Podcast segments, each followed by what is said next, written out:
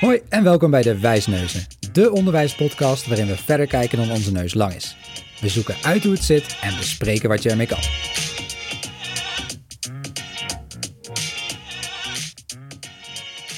Welkom bij de dertiende aflevering van de Wijsneuzen.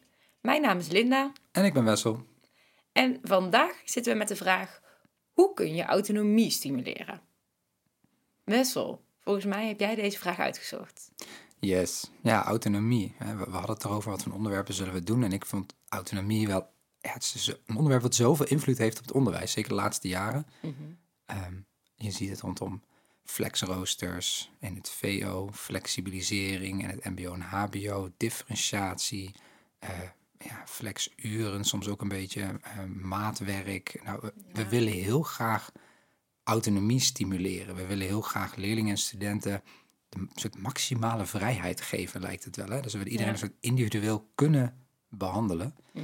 Ehm, dus ik dacht, nou ja, dan maar eens even erin duiken. Hè? Wat, wat, wat ligt eraan ten grondslag? En dan zie je dat het er eigenlijk vaak wel over het begrip autonomie gaat.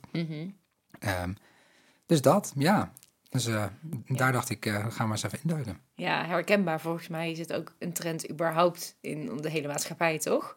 Dat Ja. we ons op alle vlakken autonoom willen voelen. Of we nou eh, ja, keuzes maken voor de boodschappen die we doen. Nou ja, al, het gaat alle kanten op. We willen overal eh, Ja, ja, autonoom voelen. Dus heel herkenbaar volgens mij dat dat ook in het onderwijs nu steeds meer terugkomt. ja. ja, inderdaad. Dat, ik denk dat je het in de maatschappij ziet. Dat is wel een goeie. En ik denk ook dat het ehm, nou ja, soms een beetje te ver doorslaat of zo. Dat het, zeg maar, ja, individualisme versus een soort groepsgevoel.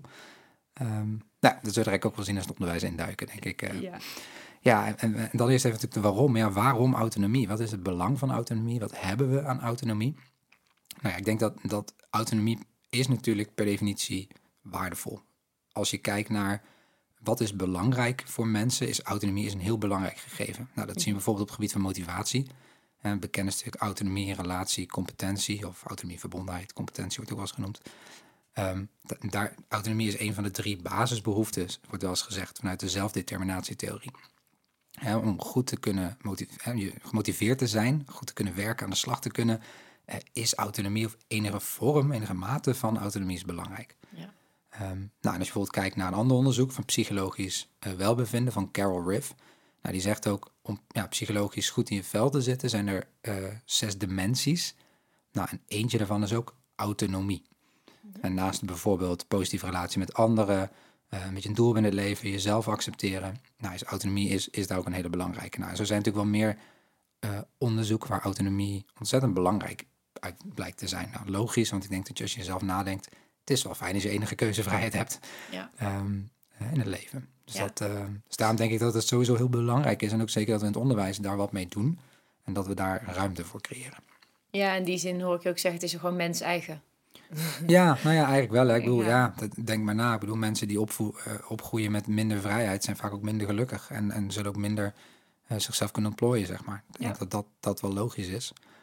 Ehm, nou, dus dat, dat is, het belang is, is evident of zo. Dat is duidelijk volgens mij. Daar moeten we ook wat mee. En ja, als we gaan kijken naar het begrip, wat is dan autonomie? Nou, eh, dan ga je kijken naar het begrip in het Engels. Dan staat er regulation by self. Dus jezelf reguleren. En als je dat dan nog doorvertaalt, is the feeling one has choice. Dus je het gevoel dat je keuze hebt.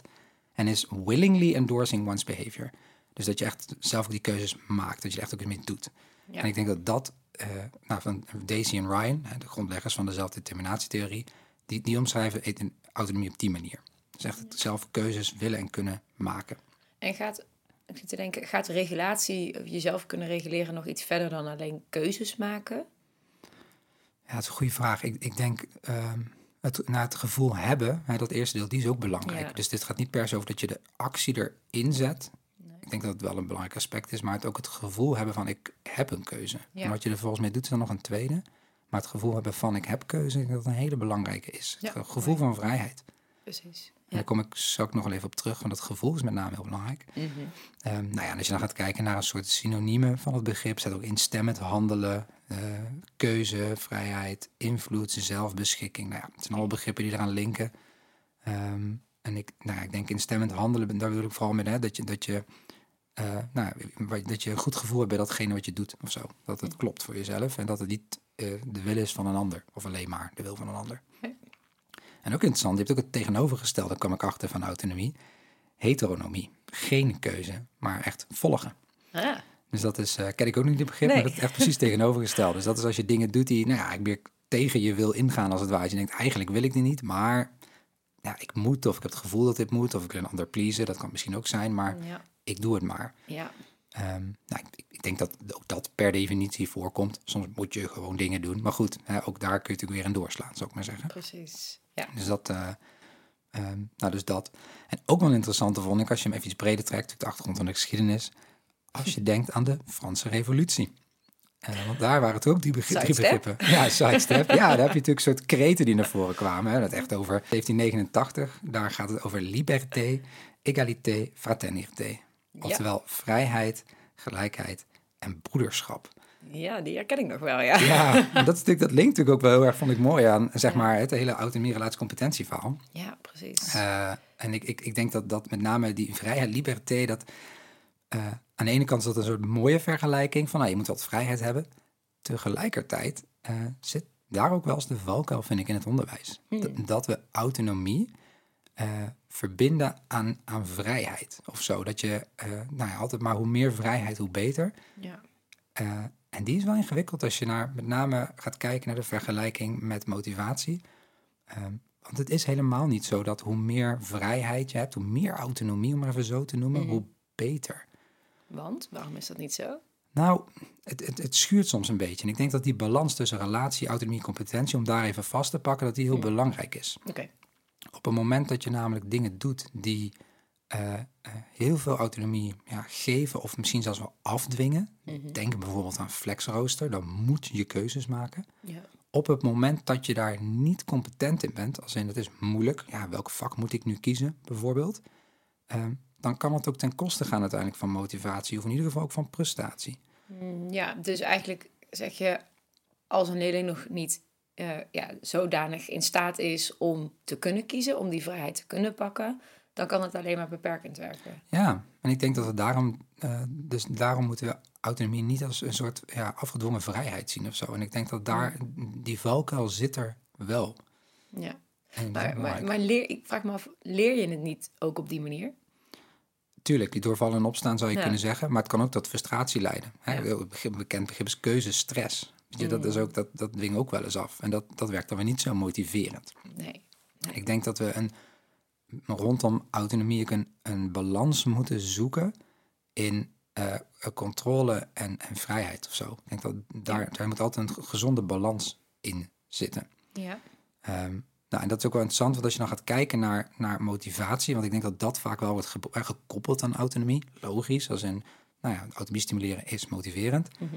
Als je dan gaat kijken naar motivatie, dan, dan zeggen we van oudsher eigenlijk, je hebt intrinsiek en extrinsieke motivatie. Ja. Hè, intrinsiek, dat wil zeggen, ik doe het omdat ik het graag wil, belangrijk vind, et cetera. Extrinsiek is, ik doe het voor een ander. Hè, of in ieder geval, ik doe het omdat het moet, of omdat ik denk dat het moet. In ieder geval, de keuze ligt iets meer buiten mijzelf. Ja.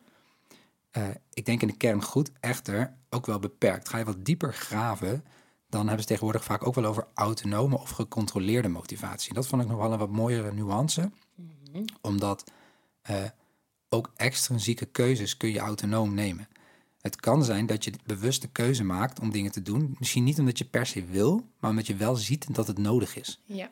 En Ja. ik denk dat dat een hele belangrijke is. En dan, heb je, eh, dan kan extrinsieke motivatie zitten een beetje op dat snijvlak tussen gecontroleerde en autonome motivatie. Precies. Eh, en en daarmee wil ik natuurlijk zeggen dat autonome motivatie gaat niet per se over ik vind het fantastisch, ik wil het zo graag, het allerleuk. Nee, dat gaat over ik heb in ieder geval de- een bepaalde mate van keuze hierin. Ja. Ook al is die soms extern eh, ingegeven. Ja, en ik vind hem ook mooi aansluiten op waar je in het begin eh, eh, aan, oh, ja, over, aan verwees. Ja. Ehm, dat het soms zo individualistisch wordt. Hè? En hiermee nuanceer je die al veel meer voor mijn gevoel. En soms maak je als leerling misschien niet de keuze die jij het liefst wil, maar die wel op dat moment in con- context van je klas bijvoorbeeld het best past. Dus dat vind ik al wel een. Ja, nou ja, en, en, en idem dito voor studenten die natuurlijk... Soms moet je ook dingen in het werkveld, weet je. Ja, en, en soms moet je bepaalde vakken volgen... omdat je daar nog niet goed genoeg in bent, bijvoorbeeld. Om maar Ja. iets te noemen. En ik denk dat dat...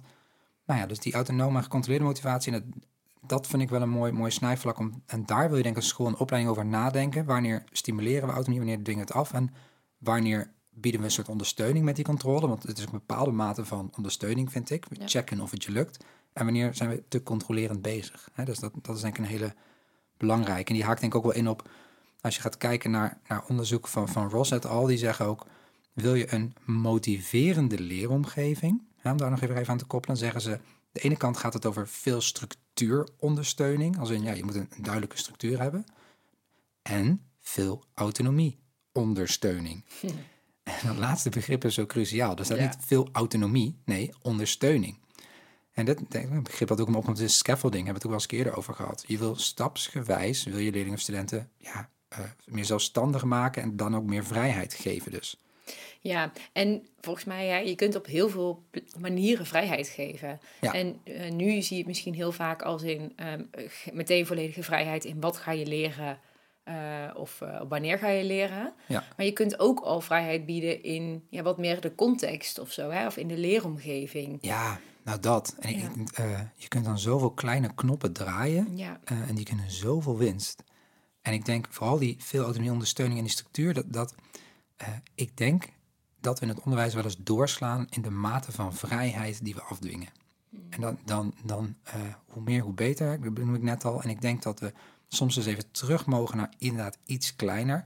Want ook binnen een lesuur of een college kun je al aan best veel knoppen draaien. En even teruggaan naar het begin, dat gevoel van autonomie neerzetten. Misschien is dan de daadwerkelijke keuze die een student maakt ja, binnen die zandbak als het ware. Kun je niet naar allemaal verschillende zandbakken. Nee. Maar ook binnen die zandbak, als jij daar keuze hebt in bijvoorbeeld een manier van verwerking. Ga je naar de instructie luisteren of zelfstandig aan de slag? Eh, kun je het op drie verschillende manieren aantonen? Nou, eh, heb je misschien bepaalde vragen die je wilt inbrengen? Dat zijn allemaal aspecten die volgens mij eh, heel veel het gevoel van autonomie versterken. Daardoor ook motiverend werken. Ja. Stimulerend werk voor het leren. Voor de, ook, maar ook weer voor de verbondenheid, laten we die ook niet vergeten. Eh, en dus ook niet per se eh, dat het nodig is dat je dat veel groter maakt. Het, het- soms kan het heel goed zijn, hè? laten we wel wezen. We kennen ook concepten als Agora. En we kennen ook HBO waar flexibilisering wel goed kan werken. zeker. Ja. Maar die werken vooral omdat we dan veel ondersteuning bieden. Ja. En dat wordt vaak vergeten, denk ik. Dat we denken, hop, flexrooster. Of dat we denken, hop, leeruitkomsten. Dus hè, we moeten want we moeten flexibiliseren, alles opengooien. Maar de, de hele begeleiding daaromheen, eh, daar valt of staat het volledig mee, denk Ja. ik. En dat Ja. moeten we niet vergeten. Nee, ik, ik moet echt denken, ik heb gisteren toevallig nog een vraag gehoord van een VO-school die eh, volledig ook voor een flexrooster was gegaan. En zij zeiden heel mooi, de belangrijkste les die we hebben eh, geleerd is dat we eh, leerlingen echt moeten helpen in het maken van de juiste keuzes in dat flexrooster. Want we merkten nu bijvoorbeeld dat ze voor hun vriendjes of vriendinnetjes kozen of geen idee hadden waarvoor ze moesten kiezen. En logisch, want de puberbrein Ja. denkt, op de korte termijn vooral. En dat is logisch, ja, dat welk Ja. mens niet. Ja. En ik vind het ook zo interessant, wat je nu noemt, denk ik ook altijd, eh, als je als volwassene, hè, even, voor, de luisteraars, als je als volwassene een opleiding nu gaat volgen of je volgt er een. Mijn ervaring is, want ik heb terwijl ik werkte ook nog een opleiding gedaan, is, is eh, dat het mega frustrerend is als dingen onduidelijk zijn. Mhm. Of als dingen niet goed gestructureerd zijn. Of als ik keuzes moet maken van ik denk, ja, ik- ik weet niet wat de beste is. Nee. En dus vaak vind ik het heel fijn als dingen duidelijk gestructureerd zijn, als er een duidelijke planning is. En natuurlijk, zeker bij deeltijd is het fijn als je enige maat van keuze hebt, maar ja, het liefst niet te veel, want keuzestress moeten we niet hebben. Ik denk, verplaats je dan, en dan is zeg maar naar een leerling of student, die ervaart precies hetzelfde. En dat is heel grappig, want het, ja, soms heb je wel over mensen en denk ja, eh, denk ook even aan jezelf. Je bent ook een mens, zeg maar. Nou, vertaal dat eens door naar leerlingen of studenten. Ja. Kijk, en als je dan gaat kijken hoe kun je dan autonomie stimuleren, zijn er een paar ja, kernelementen die uit de literatuur naar voren komen. Een van de belangrijkste dingen, ja, het klinkt suf, maar authenticiteit. En Het gaat heel erg over, wees authentiek, wees jezelf. Ga in contact met mensen, ook als je docent bent. Eh, eh, kijk goed naar wat leerlingen nodig hebben. Daar, dat is de kern of zo. Hè. Wees observerend naar wat nodig is. Ja. Dat is belangrijk. Maar van daaruit kun je dus keuzeruimte bieden. Hè, dat is het tweede kernelement. Bied enige mate van keuzevrijheid, maar kijk daarbij wel naar beperkte controle en druk. En dat is meteen het der- derde punt. Dus dat is die balans tussen autonomie en controle. Kijk, waar kunnen leerlingen een keuze maken? Waar helpt het ze echt? Ja. En eh, ik denk soort rem- ja, reminder erbij of zo is eh, niet denken... oh, eh, dit is nu de keuze, ik moet meer keuze bieden. Want nee, bedenk vanuit de leerstof, waar heeft het keuze maken zin? Ja. Waar zou een leerling of student een andere keuze willen maken? Kunnen maken? Nou, dus daarover over nadenken. Ja. En dan kom je, kun je op aspecten komen als... eh, nou, je kunt bijvoorbeeld in een les zeggen... ik ga nu een instructie geven. heb ik zelf ook veel gedaan. En je mag meedoen. En wat ik daar altijd interessante bij vind, en dat is dan wel, eh, soms zeggen dan docenten, ja, je moet luisteren. Als je goed meedoet, mag je eventueel een andere keer ook wat meer zelfstandig aan de slag. Nou, daarvan denk ik bijvoorbeeld, nee, draai maar om. Ik ga nu een instructie geven. Je mag luisteren, je mag wel zelfstandig aan de slag. Zie ik dat het je niet lukt om zelfstandig aan de slag te gaan, bijvoorbeeld met je andere dingen gaat doen. Ja, goed, dan, dan, dan beperk ik de keuzevrijheid. Maar ik, volgens mij begint het met vertrouwen. Dat vind ik ook die authenticiteit. Goed, goed kijken naar nou, we zijn allemaal mensen, iedereen moet dat kunnen.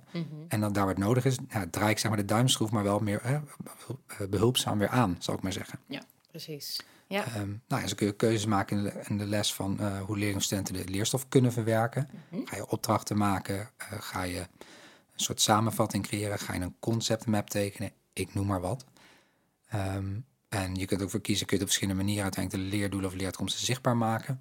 Dat kan bij de formatieve checks bijvoorbeeld, maar dat zou ook helemaal op het einde kunnen. Van nou, je, hebt bepaalde kennis tot je genomen, hoe wil je dit uiteindelijk aantonen? Ja.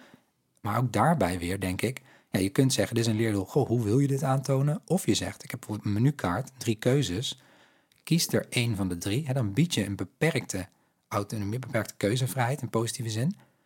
En daarbij kun je volgens mij altijd opmerking maken, wil je nou wat anders? Laat het even weten. Ja. Dus daarmee zeg je volgens mij, ik bied hele duidelijke structuur, ik bied hele duidelijke keuzes. Daar waar je meer ondersteuning wil, hè, dan, dan kom je naar mij toe dan kunnen we nog even nog verder kijken dan dat. Als je denkt van, nou, ik heb wel ideeën, maar ik heb wat hulp bij nodig. Ja, en dat zit natuurlijk ook heel erg in het neerzetten van een cultuur waarin, het waarin ja, studenten of leerlingen ook af en toe inderdaad een voorstel mogen doen. Hè? Dus dat gaat ook wel over het neerzetten van ja, die cultuur waarin dat kan. Ja, ja het gesprek aangaan, het niet te dichtgetimmerd. En dat weer ja, die balans gewoon opzoeken met elkaar. En denken, nou ja, hoe kunnen we inderdaad vrijheid creëren zonder het nou, eigenlijk af te dwingen. Ja. Um, nou, en zo kun je, nou, dat zijn in ieder geval een paar aspecten die je noemen, waar je kan aan kleine knoppen, dat zijn echt meer binnen de les of zo, hè, of in ieder geval mhm. binnen directe onderwijs. Buiten het feit dat je als je op een hoger niveau kun je gaan hebben over, nou, je mag kiezen naar welke les je gaat, of je kunt, hè, je kunt daarin stappen zetten, maar daar zijn we denk ik vaak ook wel bekend mee.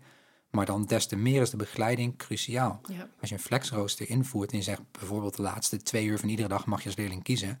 Super belangrijk om daar goed op te coachen. Ja, uh, en te begrijpen dat je een pubismaak hebt. Kijk je naar studenten.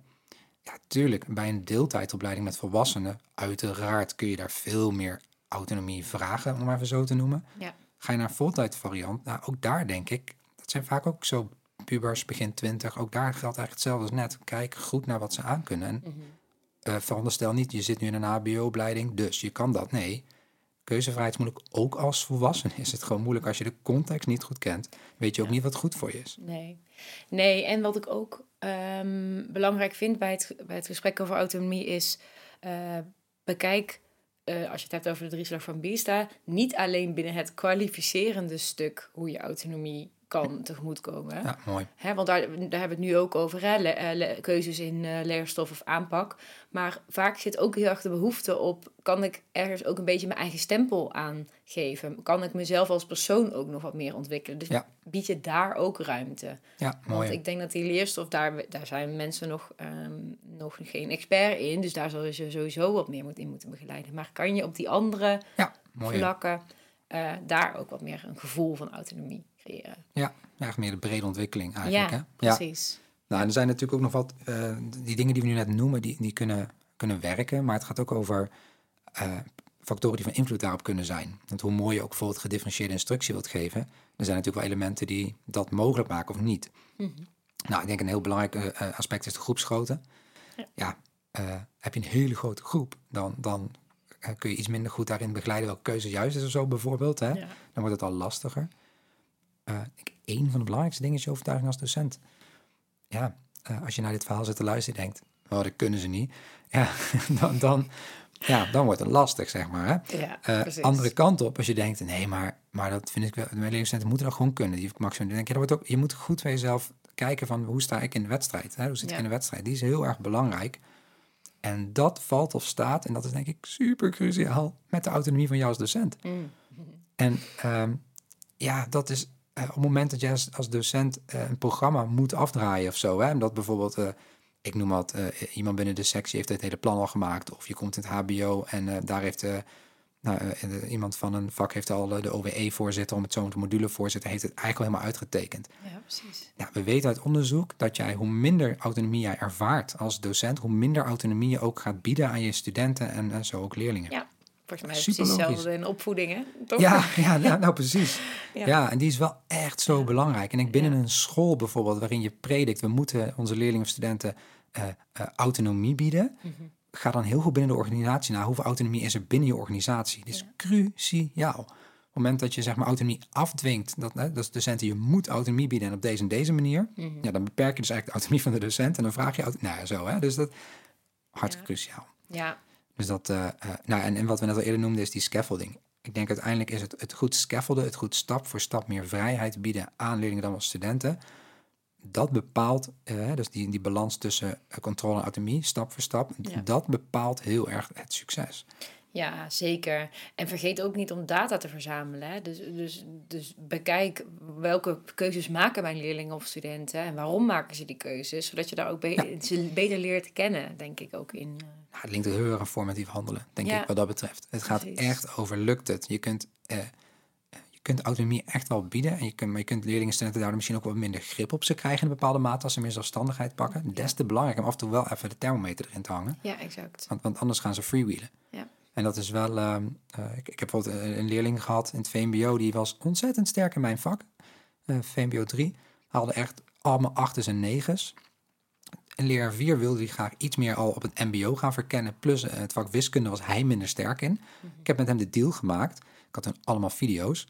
Jij gaat meer echt, nou ja, eh, bijna een soort LOE-cursus dat doen. Dat wilde hij ook graag. Want die tijd kon hij heel goed voor andere dingen gebruiken. Maar je doet één keer in de twee weken wel even een formatieve check.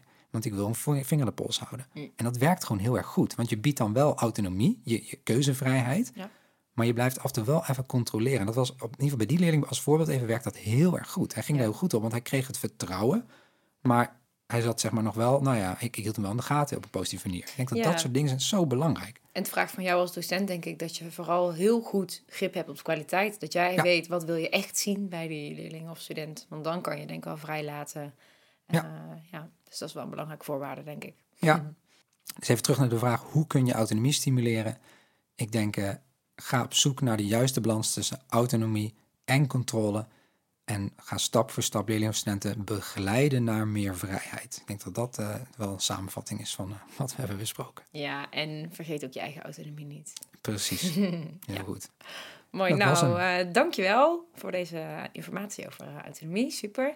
En eh dankjewel voor het luisteren. En tot, Tot de de volgende. volgende.